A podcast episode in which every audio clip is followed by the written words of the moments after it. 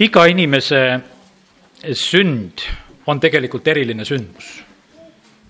sest iga inimene on ainulaadne eksemplar, ei ole teist. sellepärast on see nii, et iga inimese sünd siia maailma on tegelikult väga ja väga eriline asi. ja, ja vaata tänu jumalale, see eriline asi on meie mitmete elus juba kestnud aastakümneid, sündisime ja, ja muudkui elame. ja muideks veel, me oleme igavesed. Me oleme igavesed, niikuinii oleme igavesed. kas taevas või põrgus, aga igavesed. Jumala sõna räägib meile väga selgesti sellest ja sellepärast täna eh, tahaks just rääkida nendest asjadest, et, et mis on meile vaja selleks, et me võiksime saada selle tõelise elu. Ja seda on meile eh, Jeesus toonud ja teinud. Eh, nüüd Jeesuse sünd siin selles maailmas oli kõige erilisem sünd, sellepärast et Jeesuse sünd puudutab kõiki inimesi absoluutselt kõiki inimesi. ükski inimene ei saa Jeesusest mööda minna. täna lugesime sellest, et, et kõikide silmad saavad kord näha, kui Jeesus tuleb ja me teame seda jumala sõnast, et Jeesus on kohtujärjel ja kõik rahvad ka, kes on päästmata ja inimesed, need lähevad ka Kristuse kohtujärje eest läbi veel ja, ja nii, et ei ole ühtegi inimest, kes pääseks nii, et ta Jeesusega kokku ei puutuks aga kiitus Jumalale, et täna oleme meie võinud juba siin laulda, et Jeesus Messias ja oi-oi-oi. meie, meie oigame juba praegusel hetkel ära ja meie ei pea siis oigama, kui ja halama koos nendega, kes Jeesust ei tunne sellepärast, et siis, mis sõna ütleb meile, et kui ta tuleb, siis meil on öeldud, et teie tõstate oma pea ja olete rõõmsad. ja sellepärast on väga tähtis tegelikult, et me saame selle, selle ilmutuse praegu siin selles maailmas kätte, et kes on kõige tähtsam, kes on kõige eh, olulisem ja, ja sellepärast täna me keskendume Jeesusele ja, ja, ja räägime temast.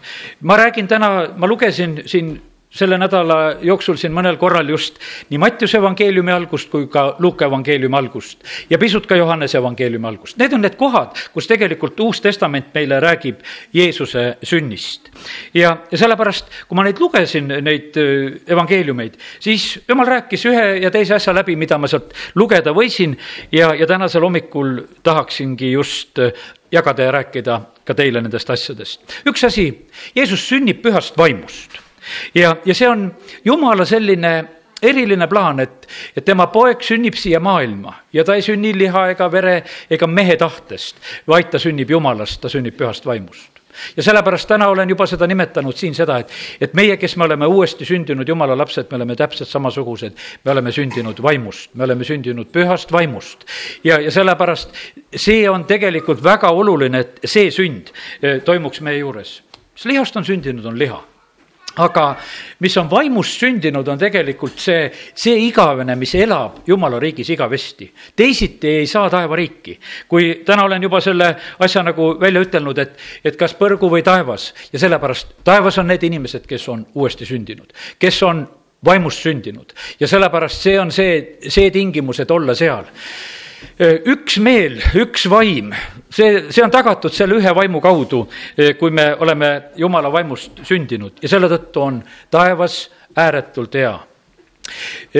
kui palju on tegelikult erimeelsusi siin selles maailmas?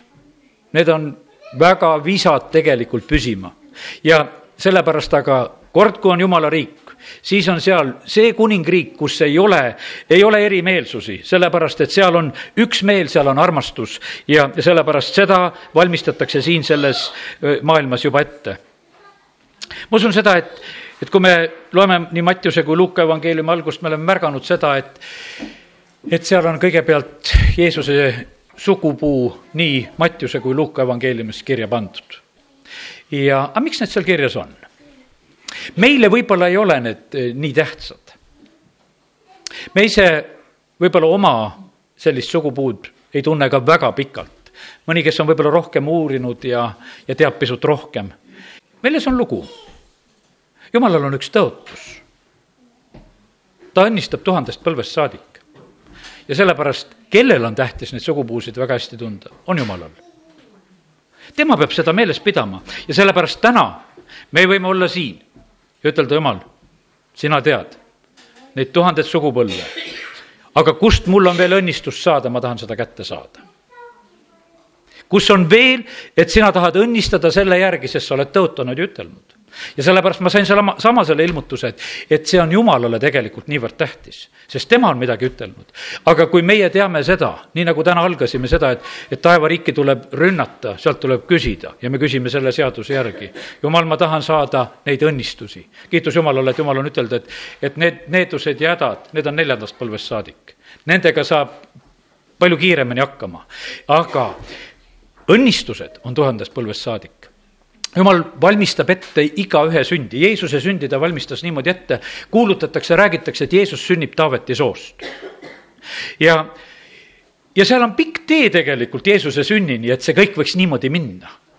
Ja seal on, kui me Jeesuse seda sünniraamatut vaatame, seal on neid inimesi, seal on see Orahap on seal ja, ja, ja seal on Rutt ja me leiame neid, kes ei ole võib-olla üldse olnud nagu selle, selle püha ja valitud rahva hulgast aga vahet ei ole, seal on palju neid nimesid, kelle kohta võib-olla esimesel hetkel me ei oska mitte midagi ütelda, kas sealt tuleb õnnistust või, või häda. kes need seal nimed seal vahepeal sel hetkel on? jumal teab seda, ta valmistas ette Jeesuse seda sündimist. ja ma usun seda, et see suguvõsa, kus nüüd Jeesus sünnib, see oli niivõrd ette valmistatud ja valvatud, et õnnistused võiksid tulla. ja sellepärast kiitus Jumalale, et, et me võime küsida õnnistusi, aga täna ütlen seda ka, aga ela ise nii ka, et, et meist jääksid õnnistused järgi. sest et eh, jumal on tõotanud nii, et, eh, et see, kuidas meie elame, see kutsub esile ka seda, kas on õnnistus või needus meie tagajärjel, meie elu tagajärjel. ja, ja sellepärast parem olgu see juba nii, et, et meie elude kaudu eh, levivad õnnistused ja sellepärast olgu see meie otsus ja tahtmine. väga tähtis on see, millises kodus ka kasvatakse. jumal valis väga hoolikalt eh, enda jaoks nende oluliste inimeste sündi, kui me eh, paneme tähele siin, Mooses sünnib seal Leevi soost pere, Jeesusele valitakse see noor tütarlaps, Joosep peab olema sealt Taaveti soost. Ja ja nii me leiame neid piibli inimesi mitmeid ja mitmeid, kes tegelikult on, on ühe sellise valiku all, kus, kuhu nad sünnivad sellepärast, et kodudes on kasvatus. ja millise kasvatuse sa saad? kas sa saad julguse, kas sa saad julgustuse, kas sa saad jumala sõna või saad hoopis noh, mingisugused muud väärtused, mis siin selles maailmas võivad olla. ja, ja sellepärast väga tähtis on see ka, milline kasvatus on kodudes. ja seda saame jälle meie ka teha e, sellepärast jumala sõna õpetab ja julgustab meid, et me teeksime seda väga julgesti, et me õpetaksime, kasvataksime me saame seda teha jumala sõna lugedes, rääkides, aga ütlen seda, et üks kõige tugevam asi on eeskuju.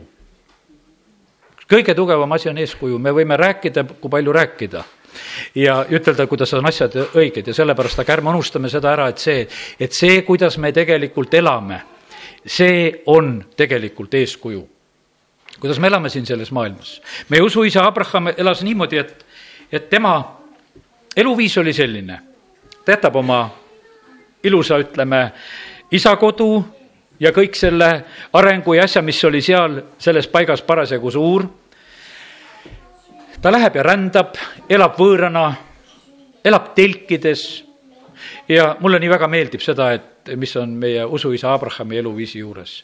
ta ehitab altareid ja siis vahepeal lööb telgi üles. telgis ta elab aga millele ta nagu pühendab, ta ehitab altareid ja telke pannakse üles.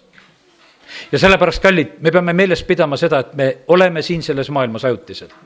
ja me ei tohi nagu ennast mitte kuidagi lasta petta, et me siin elame ja oleme ja, ja justkui oleksime igavesti ja, ja et me ei klammerduks tegelikult nagu selle maailma külge. ma usun seda, et kes me tänasel hommikul oleme ka siia Jumala kotta tulnud, tegelikult on see üks märk nagu sellest, et me ei ole klammerdunud selle maailma külge me oleme võõrad ja majalised. me, me oleme ainult üks aeg siin. varsti on see aeg, mis me siin elame. Paulus ütleb, et see on kui telkhoones elamine. no Paulus oli telgi tegija ja, ja eks need näited tulid tal ka kergesti sellest, et eh, telgist, kui ta kirjutab ja räägib. ütleb, et ühel päeval see maine telkhoone lastakse kokku aga siis ta on rõõmus ja ta räägib sellest, aga et siis on meil igavene hoone taevas, mis ei ole kätega tehtud. ja, ja sellepärast on see, see, kuidas meie siin selles maailmas elame, tegelikult on see, on ainult üks ettevalmistus selleks, mis meid igavikus võiks äh, ja peaks siis ees ootama ja kui me teeme selle õige valiku, siis taevas. aga olgu, ma tulen veel tagasi nüüd äh, Jeesuse juurde ja, ja Jeesuse sünd on oluline, tähtis asi. maailmas tähistatakse päris suurelt. aga see, et Jeesus sureb Kolgata ristil, see oli tegelikult see kõige olulisem sündmus ja asi. ja Jeesus, kui ta on ristil, see on Johannese evangeeliumi üheksateist peatükk ja kakskümmend kaheksa salm, ütleb, pärast seda ütles Jeesus, teades, et kõik on juba lõpetatud, et kiri täide läheks, mul on janu ja kolmekümnes salm ütleb, kui Jeesus oli võtnud äädikat, ütles ta, see on lõpetatud ja langetanud pea, heitis hinge. see on lõpetatud. ta teadis, et kõik on juba lõpetatud, tema jaoks oli asi nagu sündinud. naelad on mu kätest ja jalgadest läbi löödud. ma olen ristil, mu veri voolab. see surm mis tuli seal kuue tunni pärast. selle koha pealt jumala sõna, kuidas ta ütleb, ta heitis hinge. me vahest nagu räägime sellest, et, et äh, noh, et ta lämbus ja nüüd läheme nende taktikate peale, et kuidas Jeesusega seal risti peal oli, et, et ta seal vajus ja, ja, ja rippus ja siis oli niimoodi ja, ja siis ta suri. ma loen jumala sõnast seda, eelkõige seda, et mis oli väga tähtis, mis pidi seal sündima. veri pidi saama val-, valatud, sest veri lepitab. Jeesus vaatas, veri juba voolab. naeltehaavadest, jalgatahavadest, see on lõpetatud, veri juba tuleb. nüüd, ja siis ta heidab ühel hetkel hinge, ta langetab pea ja heitis hinge. Jeesus ütles, mina annan oma elu. ta ei surnud selliselt, et noh, et, et, et noh, et tal ei olnud teist võimalust ta oleks võinud sealt Kolgata ristilt ju alla astuda, me teame seda väga selgelt. ta oleks võinud pöörde teha sellest täielikult. aga ta pidi vere valama, ta pidi ka surema, aga ta läks kõigest sellest tegelikult eh, väga vabatahtlikult läbi. Eh, eh, prohvet Jesaja kirjutab, et ta on nagu tall, keda viiakse tappa, teda piinati, ta alistus ega avanud suud nagu tal, keda viiakse tappa, nagu lammas, kes on vait oma niitjate ees, nõnda ei avanud ta oma suud. ja mis mõttes oli see väga tähtis, et ta oma suud ei avanud? Vaata, kui ta oleks oma suud avanud ja halisenud ja hädaldanud seal ristil, teate, keda see oleks puudutanud? see oleks puudutanud sind ja mind, sest tal endal ei olnud pattu. ja ta oleks siis hädaldanud selle, selle patu pärast, mis on meie patt tema peal. tal enda patu pärast ei olnud seal mitte midagi õigustada ega hädaldada, tal seda ei olnud. aga ta oli võtnud kogu maailma pattu enese peale. ja ta ei hädaldanud selle pärast teda piinati, ta alistus ega avanud oma suud, nagu tal, keda viiakse tappa. me teame, Vana-testamendi pilt oli see, et, et võeti see tall, kes ei olnud mitte mingit pattu teinud, võeti kodust kaasa, mindi preestri juurde, pandi käsi peale, räägiti oma patud ära ja siis tapeti see talle ära sellepärast, et see inimene, see perekond, need patud, need pandi selle talle peale. ja mis sellel tallel muud oli, ta oli vait. ta mõtles, et näed peremees veel paitab teda siin, paneb käe peale. ta pattusid rääkis, tal ei saanud tühjagi aru sellest, mis seal toimub tegelikult. järgmisel hetkel veri voolab. ta oli nagu tal, kes on vait, tapeti ja, aga Jeesus tegelikult teadis. tal oli pilt selge, et ta võttis inimkonna patud enese peale ja sellepärast kiitus Jumalale et Jeesus ei olnud selle asja juures hädas, ta oli teinud otsuse, et sind ja mind päästa siis ma pean selle karistuse kandma, et mitte ühegi inimese karistus ei jääks kandmata. Et mitte ühegi inimese needus ei jääks siia kandmata, et mitte ühegi inimese haigus ei jääks kandmata. ta ei teinud seal mitte mingisugust erandit, ta palvetab nende pärast, kes on risti all, kes on ta ristilööjad, ta ütleb, et isa, anna nendele andeks, nad ei tea, mis nad teevad. ka nende tegelikult see võimalus ja šanss, kõikide inimeste jaoks ja, ja sellepärast see on tegelikult väga võimas asi, sest et Jeesus tuli siia maailma, ta tuli seda, sellepärast, sest seda, milleks seadus oli võimetu, kuna ta oli jõuetu inimloomuse tõttu, on teinud Jumal, kes mõistis patu inimeses surma, läkitades oma poja patuse loomuse sarnasuses ja patu pärast. see on Rooma kaheksa kolm, kus Paulus seda kirjutab. ja, ja sellepärast, kallid, see, mille pärast Jeesus siia sellesse maailma tuleb ja sünnib, ta tuleb siia patu pärast. ja jõulupühasid peetakse ja räägitakse, et see on niisugune ilus aeg ja see on kuskil endasse vaatamine ja see on mingisuguste noh, et kuna ta on aasta lõppu, see püha on paigutatud, et, et siis on nagu võtad kokku ja teed ja teed head ja teed ilusat ja midagi ja, ja palju asju räägitakse selle kohta, et mis need jõulud on aga jumala sõna ütleb, et Jeesus tuli siia maailma, ta tuli patu pärast ja ta tuli kõikide inimeste pattude pärast. ja ei ole siin maailmas ühtegi inimest, kes ei ole pattu teinud ja sellepärast tähendab, ta tuli kõikide pärast. ja kui ta on Kolgata ristil, ta ütleb, et see on lõpetatud, siis see on meie kõikide jaoks lõpetatud asi.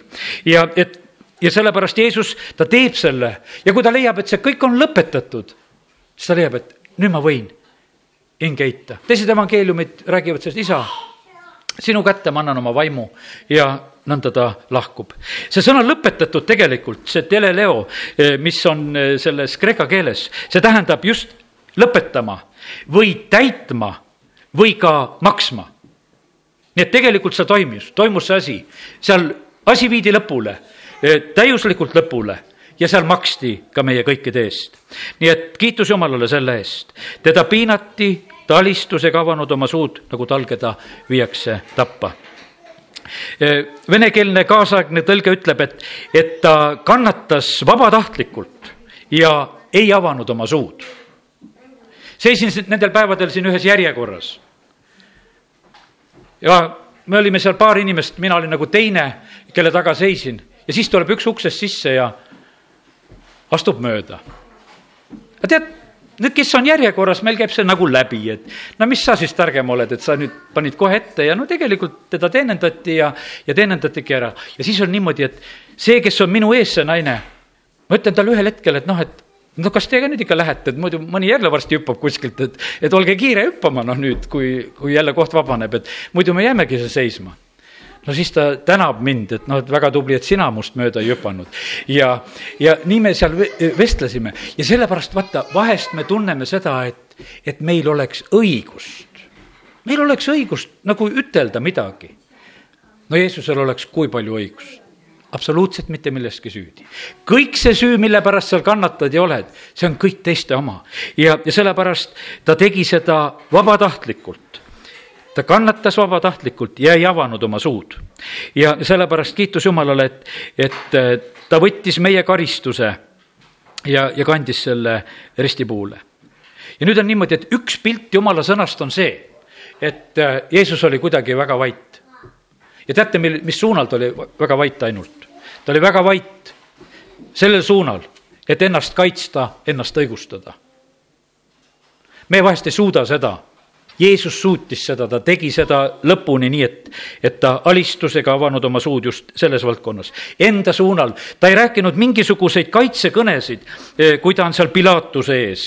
näiteks eh, Markuse neliteist kuuskümmend üks ütleb, aga tema vaikis ega vastanud midagi.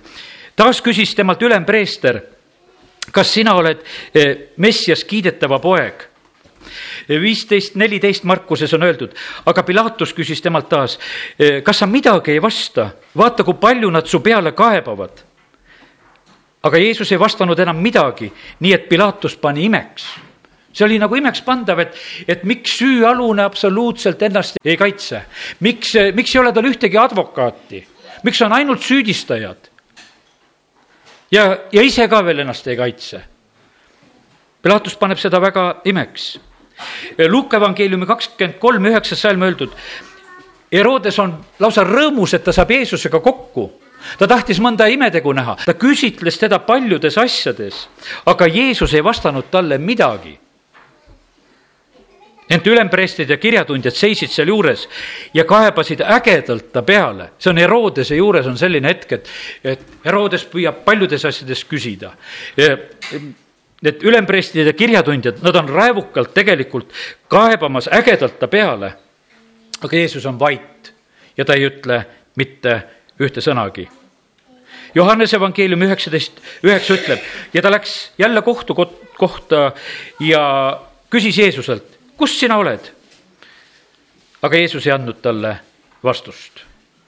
ja Jeesus oli just niimoodi seda karistust kandmas ja vaikimas ja see nagu olen täna ütelnud, see puudutas eelkõige meid. me teame, esimene Aadam. miks sõit sealt puust? anna see naine, kes sa mulle andsid. see andis mulle. naine ütleb, no see madu, kes siin aias, miks see madu siia ajada üldse sai? see siin roomab ja, ja see meelitas meid ja, ja kohe läksid need asjad edasi. aga Jeesus on vait. teine Aadam ei veereta kuskil vastutust ära, vaid võtab vastutuse meie kõikide eest. ja sellepärast nii ta sai meid kõiki päästa ja sellepärast ei jätnud mitte kedagi välja. mitte keegi ei jäänud sellest päästest ilma, nii et kiitus Jumalale, et Jeesus seda nii tegi. minu jaoks on olnud vahest see nagu selline vastuolu, et, et kui me noh, ütleme, loeme mõnda teist kohta näiteks evangeeliumist, Markuse viisteist kolmkümmend neli ja kella kolme ajal, nüüd loeme Jeesuse surmast, kuidas Markus kirjutab, kisendas Jeesus valju häälega Eloi, Eloi, lema sabahtani. see on tõlgitult mu jumal, mu jumal, miks sa mu maha jätsid? viisteist kolmkümmend seitse, aga Jeesus kisendas valju häälega ja heitis hinge. ja nüüd Jesaja kirjutab, ta on nagu talvvait ei ava oma suud ja sureb. ja nüüd on Markuse evangeeliumis on, ta surmahetkest on äh, räägitud sellest, et ta kisendab ja heidab hinge. Ma sain selle kohta väga selge ilmutuse. teate, milles on asi? üks oli see, kus oli enese kaitsmine ja kohtu all olemine, seal on vaikus. aga kui ta sureb, siis on juba see sõjahüüd seal on siis see võiduhüüd, sest järgmine hetk ta läheb kuradi käest võtmed ära võtma. ta läheb kuradit relvituks tegema ja seal ta ei ole enam mitte sugugi vait, vaid ta läheb kisendades. ta kisendab valju häälega ja heidab hinge sellisel moel. aga see kisa ei olnud suunatud enam mitte kuskile mujale, vaid ta teadis, et nüüd on võiduhetk nüüd on kuradil võtmed läinud, nüüd on kurat relvitu, nüüd on võit saavutatud, sest ta pidi tegelikult selle, selle kätte saama ja see oli sõjahüüd. ja sellepärast ilmutuse raamat üks kaheksateist ütleb, ma olin surnud ning ennäe, ma elan igavesest ajast igavesti ning minu käes on surma ja surmavalla võtmed kiri kolosslastele kaks viisteist kirjutab, jumal on paljastanud valitsused ja meelevallad, häbistanud neid avalikult, võidutsedes nende üle Kristuses. ja Luuka üksteist kakskümmend kaks, aga kui temast tugevam tuleb ta kallale ja võidab tema, siis ta võtab ära tema sõjavarustuse, mille peale ta lootis ja jagab laiali temalt saadud saagi ja sellepärast Jumal on andnud meile oma poja kaudu ühe asja. ta ütleb, te võite astuda kõige vaenlase väe peale. me teeme seda vahest väga harva, aga meile on antud see, see õigus. Te võite astuda kõige vaenlase väe peale, kurjad vaimud välja ja nad peavad taganema ja minema ja tegelikult nad lähevad. ja, ja see meelevald on antud tegelikult meile, igale jumala lapsele. Jeesusel oli väga tegelikult pilt silma ees selge ta mäletas seda, kui kurat visati taevast välja ta ütles, ma mäletan seda hetke, et see oli nagu välk, mis äh, tuli sealt taevast, kuidas kurat visati taevast alla siia maa peale. ja nüüd on Jeesus siin maa peal suremas ja ta ei anna kuradile ka siin asu ütleb, nüüd sa oled relvitu, nüüd on võtmed minu käes ja nüüd ma annan kõigile päästetutele selle eesõiguse, et nad võivad astuda sinu väe peale. ja, ja siin ei ole mitte mingisugust lugu teist, sest et ma olen toonud selle võidu praegu nendele kõigile inimestele. teeme lahti Johannese evangeeliumi kaksteist kolmkümmend üks ja seal on öeldud, nüüd käib kohus selle maailma üle, nüüd kihutatakse välja selle maailma vürst. no selle maailma vürstid tahavad praegusel hetkel kõik, kus nad iganes saavad olla, kõik väga tähtsad ja vägevad olla. aga me näeme seda, et kui Jeesus sureb ja, ja ta räägib nendest asjadest siin ette, loeme siit Johannese evangeeliumist seda peatükki pisut natukene rohkem ja siis ta räägib, et nüüd käib kohus üle maailma, nüüd kihutatakse välja selle maailma vürst. kaksteist kakskümmend kolm Johannesest. aga Jeesus ütles neile, tund on tulnud, et inimese poeg kirgastataks, et inimese poeg austataks. tõesti, tõesti, ma ütlen teile, kui nisuiva ei lange maasse ega sure, siis see jääb üksi, aga kui see sureb, siis see kannab palju vilja ja see vili tegelikult tuli Jeesuse surma kaudu. kui nisuiva sureb, ta toob selle pildi, me teame seda, et kui külvatakse põllule, siis see, see ivakene sureb, aga sealt kasvab uus kõrs, seal tuleb palju vilja ja, ja sellepärast Jeesus toob selle võrdluse, et kui, kui ma suren, siis tegelikult selle kaudu tuleb palju vilja. järgmine salm ta ütleb oma kuulajatele, kes oma elu armastab, see kaotab selle. kes oma elu vihkab selles maailmas, see hoiab selle igaveseks eluks. E, e, katsume sellest ka aru saada, mis, mida see tähendab. kes vihkab oma elu kallid, ma täna juba ütlesin seda, sedasama mõtet, et, et meie peame nagu mõistma seda, et, et me oleme siin selles maailmas, vaata, kui sina armastad seda maailma, kui su süda on nende asjade küljes kinni, siis vaata, siis sul läheb väga halvasti tegelikult. küsimus on selles, et see maailm hävib, siin ei jää mitte midagi, sellel maailmal ei ole igavest tõotust. Siin ollakse ajutiselt, kõik inimesed on siin selles maailmas ajutiselt. Ja sellepärast, kui meie teeme eh, nagu selle panuse, et meie elu on siin ja meie tähtsad asjad on siin ja kes armastab seda elu, eh, mis on siin selles maailmas, siis tegelikult me kaotame selle. Eh, mäletan seda, et kord öeldi seal ühe pastori pere kohta, kes palju kordi sai kolida, ta ämm ütles just veel, ütles sedasi, no mis elu see ka on, see on nagu ratta peal. Et ühest kogudusest teise, teisest kolmandasse ja et mis elu see ka on. aga see oli kõik, sellepärast et kuulutada siin, kuulutada seal, teha jumala riigi tööd seal, kuhu issand läkitas. kui me mõtleme evangeliste, kes, kes siin meiegi juures käivad, kas sa igatsed sellist elu, et sa täna oled siin, varsti oled sa seal, et sa aina liigud ja võib-olla aasta jooksul lõpuks rohkem elad kuskil hotellides ja kohtades, no võib-olla tahaksid ikka oma kodus olla.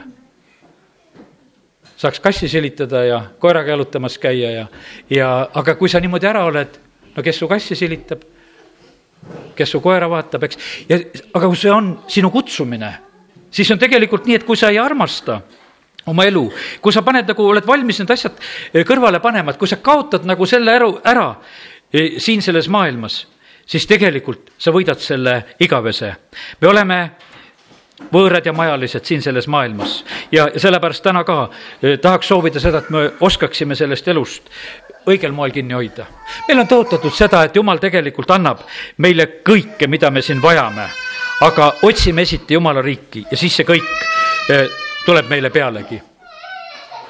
ma usun, et eh, meie hulgas on küllalt neid inimesi,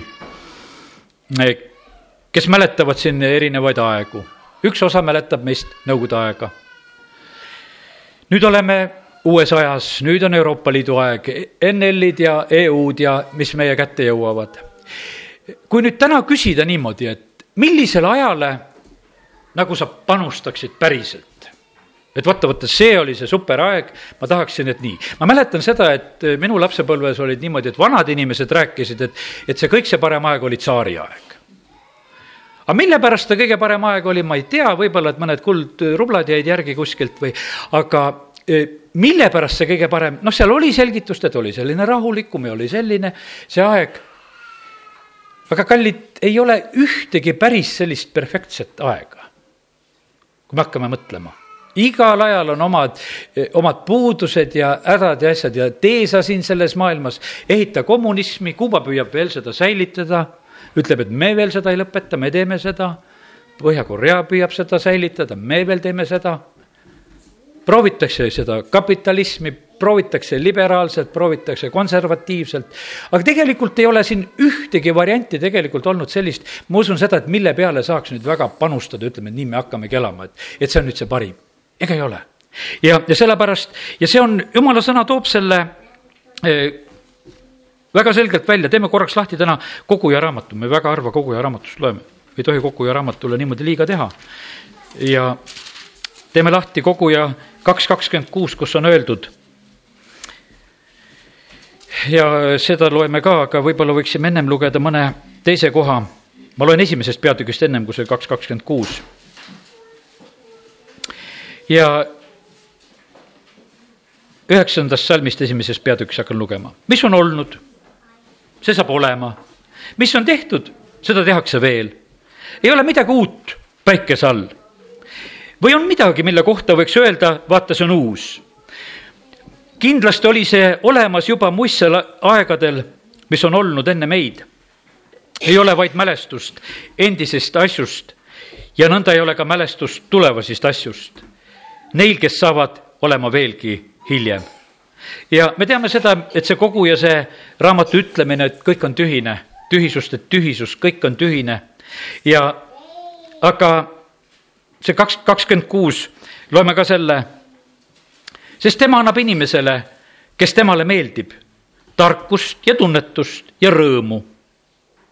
aga patustele annab ta ülesandeks korjata ja koguda, et seda siis anda sellele, kes Jumalale meeldib. seegi on tühi töö ja vaimu närimine. ja me näeme seda, et, et siin selles maailmas käivad need asjad, et need muudatused, asjade ümberjagamised ühel hetkel lihtsalt jälle siin selles maailmas asjad pööratakse ja asjad muutuvad. ja sellepärast, kallid, jumal on oma sõnas rääkinud, et, et tema on tegelikult nende asjade taga. me teame, Uues Testamendis on see mees, see rikas mees, kes kelle põllud hästi vilja kannavad, Jeesus toob selle näite, toob selle tähendamissõna. ta ütleb, mu hing, söö ja joo. tead, ole rõõmus, sul on palju head aastateks. Jeesus ütleb siis seal edasi, ütleb, et aga sel samal ööl nõutakse sinult sinu hing. ja kellele siis saab, mida sa oled kogunud? ja sellepärast on see niimoodi, et me võime siin selles maailmas nagu panustada nendele asjadele, mis on nagu võib-olla ka tunduvad, et nad on head. aga need on nii kaduvad ja, ja mõttetud, millele tegelikult rajada. ja sellepärast täna, kui oleme siin jumala kojas, lähme sinna Johannese evangeeliumi kaheteistkümnendasse peatükki tagasi, siis Äh, see oli nüüd selle elu armastamise koha pealt, et oskaksime ellu suhtuda selliselt õieti ja siin ei jää mitte midagi puudu. mul on hea meel, et minu isa, kui ta meie pulmapäeval ütles sõna kaasa, kui me Ainuga abiellusime, ta ütles, et üks asi, karda Jumalat. see on põhiline, mis kaasa, jah, vahest vaatame võib-olla neid mööblitükke ka, et mis isa ostis ja, ja, ja vaatad, et otsa saavad, ära kuluvad. aga see, see nõuanne, mida ta tegelikult andis, see on hea ja see on jäänud kandma ja see on õnnistuseks ja sellepärast vaatame, mis siin on veel. ja Jeesus räägib edasi, kakskümmend kuus salm. Kes tahab mind teenida, peab järgnema mulle, kus olen mina, sinna saab ka mu teenija. kes iganes mind teenib, seda austab mu isa ja sellepärast on väga tähtis tegelikult see, et, et kui meie panustame tegelikult Jeesuse teenimisele, siis on siin tõotus, et isa austab neid. ja sellepärast meie võimalus on tegelikult, kellel on meeles, mida Dmitri Makarenko Uueantsas rääkis, ta rääkis seda, ütles, et, et kui sa kuulutad evangeeliumi, sa saad endale liitlase püha vaimu, kes hakkab kohe sinuga koostööd tegema. Aga kui sinus on püha vaim, no kuule, mis sul siis puudu on?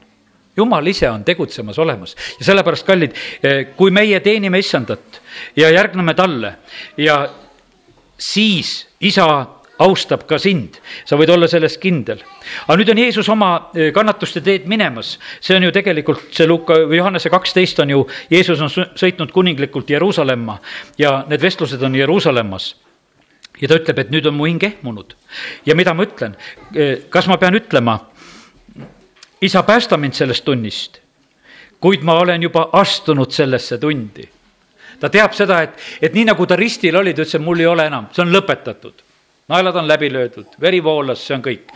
ta oli Jeruusalemma tulnud ja ta leiab sedasi, et, et ei ole mul enam taganemise teed ma olen astunud juba sellesse tundi ja, ja sellepärast ma, ma ei pöördu, pöördu siit ära ja ta palub isa käest veel, et, et isa, kirgasta oma nime.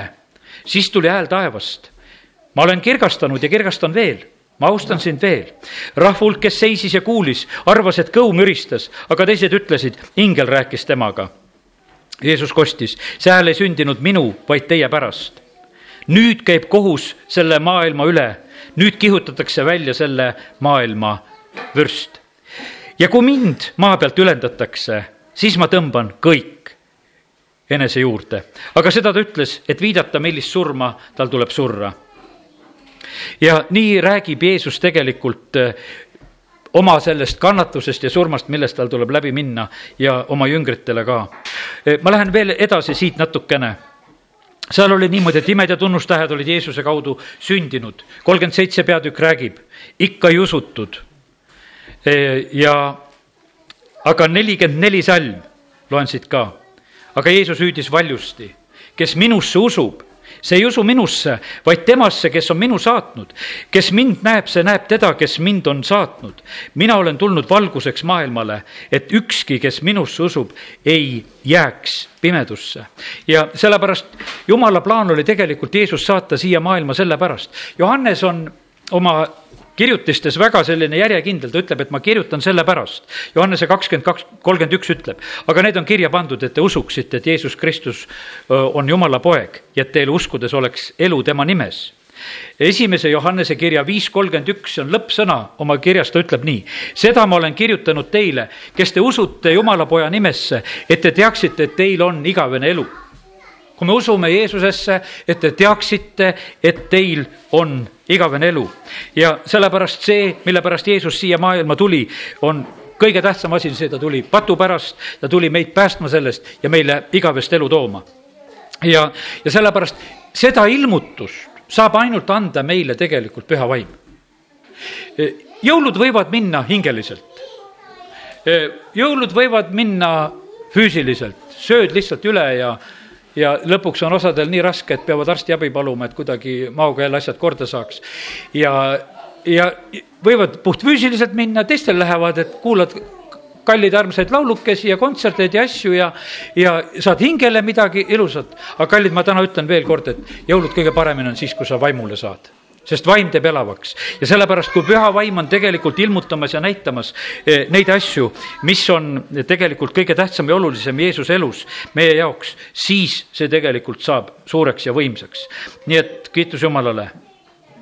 kohus käib üle selle maailma, selle maailma vürst visatakse välja ja ja nüüd kehtib see, et Jeesus on surnud, et meile on antud meelevald astuda kõige vaenlase väe peale ja vaata need asjad, mida jumal siin selles maailmas teeb.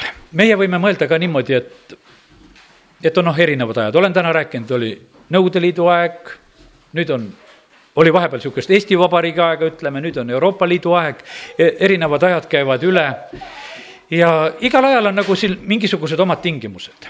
aga üks on selge, jumalat ei sega ükski selline olukord tegelikult, et tema oma plaane täide viiks, et tema asjad sünniksid ja ta teeb.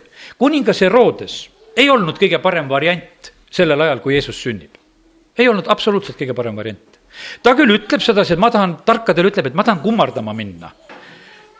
aga tegelikult ta tapab Petlemma ümbrusel lapsed ära hiljem, kui ta kummardada ei saa ja tema südames ei olnud mitte mingisugust kummardamist. ta südames oli tappa ja hävitada see laps niikuinii ja sellepärast, aga jumal tegelikult kõige selle keskel lahendas asju. me teame, et Jeesus peab olema pagenduses nii kaua, kui Herodes sureb. praegu on natuke see parem aeg. ei pea võib-olla päris surma ootama nendele valitsejatele. ootame valimisi, et tulevad uued, eks aga kuningatega oli nii, et nad olid ju surmani. Eks, ja, ja sellepärast siis oli niimoodi, et kui Herodes sureb, siis Jeesus saab tulla tagasi alles. ja sellepärast praegu on niimoodi, et palvetame hoolega, et valimistega tuleks see õige, õige tulemus, sest et valitsejate muutus, kas toob raskuse või toob hingamise, see toimub kohe, see on väga tegelikult tajutav asi. Ja, ja sellepärast me peame ka seda, seda arvestama, mina kui lugesin seda, ma nägin sedasi, et, et praegu sellises valimiseelses perioodis need jõuluevangeeliumid räägivad sellest, et, et ka valimisi ei tohi ära unustada. ja me peame palvetama ja seisma nende asjade eest, et õiged asjad võiksid me maal sündida ja siis läheb paremini. siis on, oled sa noor või vana, on järgmine ütlemine sulle täna. meid on siin täna ka nooremaid ja vanemaid. jumal tarvitab kõiki ta valib, kui me vaatame sealt Luuka evangeeliumi algusest, ta valib välja seal Sakariase ja Elizabethi, kes olid väga vanad, neile sünnib laps. ja ta valib välja Maarja ja Joosepi, kes olid väga noored ja neile sünnib laps. Sakarias ajab natukese vastu, ütleb, et ma olen nii vana. Maarja oli selline, ta küsib, aga kuidas see võib sündida? temal ei olnud, ütles, ma nagu mehest ei tea veel midagi, aga, aga kuidas see sünnib? Ja ta jäi nagu vastu jäänud. kui ingel seletab ära, et püha vaim tuleb su peale, sündigu need asjad, ta võtab selle vastu. ingel hoolitseb selle eest ka, et, et Joosep lepib selle asjaga ja, ja nii, et, et need asjad käivad eh, igas vanuses ja sellepärast on täna ka, kes me oleme siin selles jumala kojas. jumal oskab ja saab meid kõiki tarvitada. ei ole jumalal probleeme, kas ta võtab noore Samueli ja hakkab talle rääkima või võtab Moosese, kes on kaheksakümmend ja hakkab rahvast juhtima ja sellepärast jumalal ei ole vahet, ta saab hakkama kõikidega. ja sellepärast me peame olema alati ka valmis ja ootuses, et jumal, millal sina tahad tarvitada, kas sa tahad tarvitada mind kuskil kõrges vanaduses veel, kus on mõni ülesanne, mida ma pean täitma, kus ma pean näitama eh, veel mingit selgust ja julgust, kus on vaja. või on juba vaja noorelt nendesse asjadesse sukelduda ja, ja sellepärast kiitus Jumalale. teeme lahti selle eh, Luuke evangeeliumi alguse, et saame mõnda asja jälg-, jälgida. Eh, Luuka üks kuusteist. Rist Johannese sünni ettekuulutus ja ta pöörab palju Iisraeli lapsi issanda nende jumala poole. see oli tegelikult äh, ingli kuulutus. mida Rist Johannes saab tegema? ta pöörab palju äh, Iisraeli lapsi issanda nende jumala poole. meie ootame siin Eestimaal seda et siin tuleb ärkamine, et jumal tõstab üles need seitse-kaheksa juhti, kes juhivad selle maa õnnistusse sisse. meil on täpselt seda liiki inimesi vaja, kes pöörab palju Eesti rahvast issanda jumala poole meil on vaja neid, aga jumal peab neid ette valmistama, need peavad kuskil sündima, need peavad olema lihtsalt jumala käest kingitud juhid.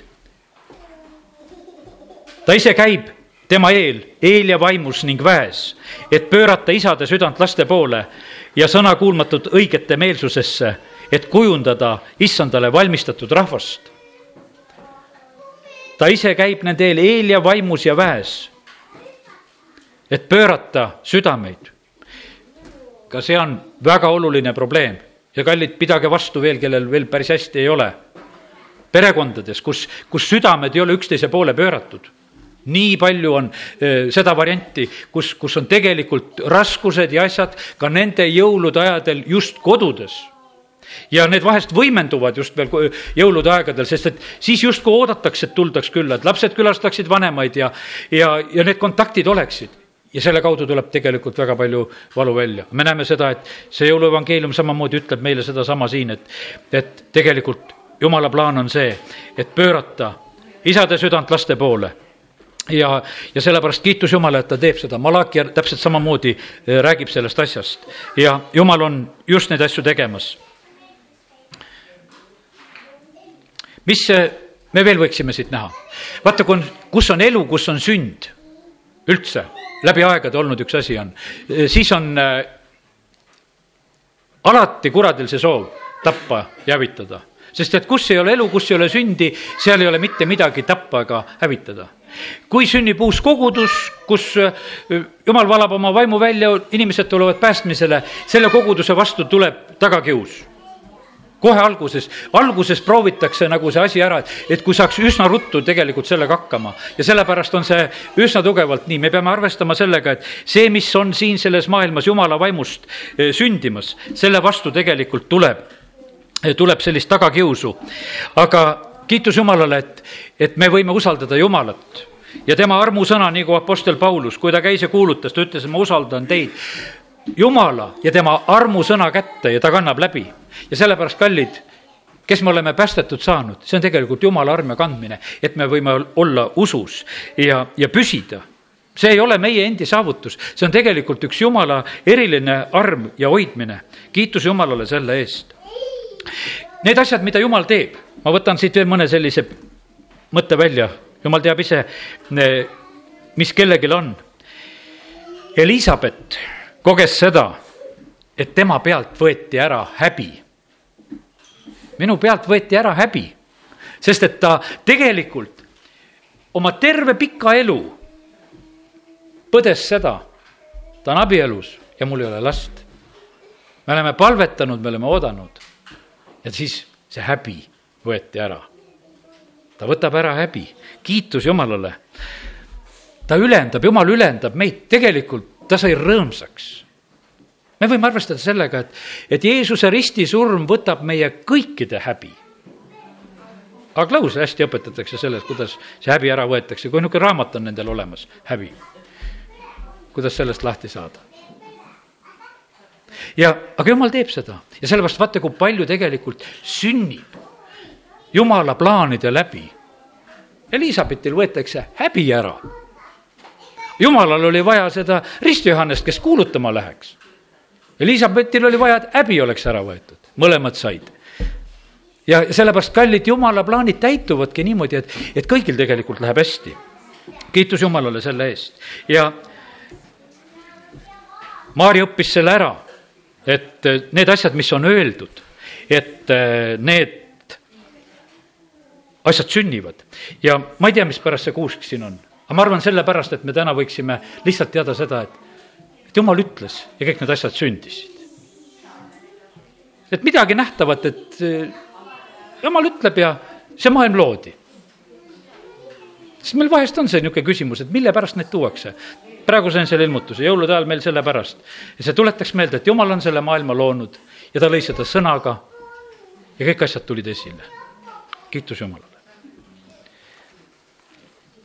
nii et meil piisab loodut vaadata, et teada seda, et see printsiip kehtib, et need asjad, mis välja öeldakse, need sünnivad. nüüd äh, lähen Luuka üks kaheksakümmend veel, vaatame veel mõne asja seal on nüüd Rist Johannese kohta öeldud seda, aga lapsuke kasvas ja sai tugevaks vaimus. lapsuke kasvas ja sai tugevaks vaimus, see on meie igatsus sellel aastal eriti et lapsukesed kasvaksid ja saaksid tugevaks vaimus. et lapsukesed, kes on meie pühapäevakoolis, kasvaksid ja saaksid tugevaks vaimus. et nad palvetaksid keeltes, et, et nad oleksid täiesti vaimus selles usus, mitte sellised, et mingisugused piiblilookesed. mul on hea meel, et, et meil on see eesmärk tegelikult püstitatud siin pühapäevakooli juhtide poolt, et seda, seda taheta. et see ei ole lihtsalt, et lapsed lookesi teaksid, vaid et nad kasvaksid ja saaksid tugevaks vaimus. ja nii oli Rist Johannesega ka. ta kasvas ja ta sai eh, tugevaks vaimus, sest et eh, vaimus on elu vaim teeb eh, sõna elavaks kui, kui seda, ütleme, ei ole, eh, oleks täiesti igav läbi vuristada kõike seda, mida lugeda, aga kui jumal oma vaimu läbi teeb sõna elavaks, siis sa võid kõiki neid pilte tegelikult näha. jumal tahab, et me saaksime tugevaks seespidise inimese poolest, et, et me ei kardaks, et me ei kahtleks, et me oleksime julged tegutsema. jumal ootab seda, et meie, meiega just nõnda võiks olla jumalalt huvitab tegelikult väga meie kasv ja areng. see on jumala plaan, meie tugevus. lapsuke kasvas ja sai, sai tugevaks. tuleme nüüd lõpuks veel selle püha vaimu teema juurde korraks veel, vaatame lihtsalt need salmid üle. Mattiuse üks kaheksateist. aga Jeesuse Kristuse sündimisega oli nõnda tema ema Maarja, kes oli Joosepiga kihlatult, leidis enda enne koju viimist, et ootab pühast vaimust last. ja kakskümmend salm ütleb veel. aga kui ta seda mõtles, siis vaata, ilmus talle unenäos issanda ingel, kes ütles, Joosep, Taaveti poeg, ära karda oma naist Maarjat enese juurde võtta, sest laps, keda ta kannab, on pühast vaimust. Maarjale sünnib Jeesus pühast vaimust eks. nüüd on niimoodi, et Joosepile on ka vaja see asi selgeks teha, ma usun seda, et, et see on täpselt niisugune päästmise lugu, sama lugu, keegi saab perekonnas päästetud. no mis värk on? püha vaim on, ära karda igale mehele, igale naisele, kes päästetud saab, tuleb ütelda, ära karda, see on pühast vaimust. ta ei ole purjus, ta on püha vaimu täis, et eh, ära karda võtta enda juurde ja sellepärast siin oli seesama lugu, sest et tegelikult, et kui on vaimust sünd see on niivõrd eriline asi, et see, see paneb tegelikult ehmatama, kahtlema. kui jumal laseb oma vaimu välja valada nelipühapäeval, no terve Jeruusalemm on ehmatanud, mis värk see on? mis seal toimub? osad ütlevad, nad on purjus. aga Peetrus hakkab kuulutama ja rääkima, et ei, see on see, mis on jumal tõotanud, et prohvet Joeli kaudu ja see vaim on nüüd välja eh, valatud. nii et need asjad sünnivad, mis jumala vaimust sünnivad, nad on just sellise eh, nurgalt, nagu siin selles maailmas sageli tajuda ja paista. Eh, Mattiuse kaks kuus, üks salm, millele juhin tähelepanu. ja sina, Betlem, juudamaal ei ole juuda vürskondadest hoopiski kõige pisem, sest sinust lähtub valitseja, kes hoiab mu Iisraeli rahvast kui karjane. ja sellepärast see salm julgustab ka alati kõiki neid väiksemaid paikasid ja linnasid ja kohtasid, kus me oleme. Kiitus Jumalale, meie kuulutame evangeeliumi siin, me kuulutame Ujanslas, me kuulutame siin, me läheme nendesse paikadesse. Jumala jaoks ei ole tühiseid kohtasid ja sina, Betlem, juudamaal ei ole juuda vürskondadest hoopiski kõige pisem, sest sinust lähtub valitseja, kes hoiab mu Iisraeli rahvast kui karjane. ja seal oli kaks tugevat asja, mis oli pandud paika. sealt lähtub valitseja ja seal on selline hoidmine, nii nagu karjane peab hoidma. ja kiitus Jumalale, et, et meie võime sellest täna lihtsalt rääkida ja lähtugu valitsejad siit, meie piirkonnast, lähtugu need valitsejad lähtugu need karjased, mida on vaja siin sellel maal, tõusku üles need juhid. Sest et äh, meie võime neid lihtsalt välja rääkida, sest et vaata, prohvetlikel sõnadel on see, see vägi, et need asjad, mida välja räägitakse, need toovad neid asju esile. vahest me mõtleme sedasi, et, et meie ei julge neid rääkida, et ei taha nagu ütelda, et ei tea, et mingisugune suurushullustus. ei, jumala plaanid võivad täituda igal moel ja sellepärast me lepime sellega ja me lausa tahame seda. kiitus Jumalale. see hoiab mu Iisraeli rahvast kui karjane, hoiab Eesti rahvast kui karjane. meil on vaja tegelikult seda Jumala hoidmist praegusel hetkel on nii, et, et meil on vaja, et need juhid juba rutemini tõuseksid, kes hoiavad meie rahvast. sellepärast, et hävitaja käib ringi hävitades, oma külvates, aga meie asi on see, et meie oleksime need, kes me hoiaksime. nüüd äh, püha vaimu tähtsus, juhin sellele veel niivõrd ka tähelepanu. Äh, seal on Luuka üks viisteist, äh, mis on kirjutatud, teeme Luuka lahti veel. Luuka üks viisteist on öeldud, et juba ema ihus täitub püha vaimuga eks. Siin on öeldud nüüd Risto Johannese kohta, sest tema saab suureks issanda silmis. ta ei tohi juua veini ega muud vägijooki ja ta täidetakse püha vaimuga juba oma ema ihus. E, Maarja ja Elizabeth, nad olid sugulased. E, Maarja läheb Elizabethi juurde siis, kui mitu kuud seal oli juba olnud, e, kolm kuud, eks, ei, kuus kuud oli ja Maarja oli kolm kuud, oli Elizabethi juures, eks. ta oli põhimõtteliselt nii kaua praktiliselt Jeesuse sünnini. sõna ei ütle meile, et kas ta jäi Jeesuse sündi ka nagu vaatama ja ootama või lahkus ta ennem, et ta kolm kuud oli.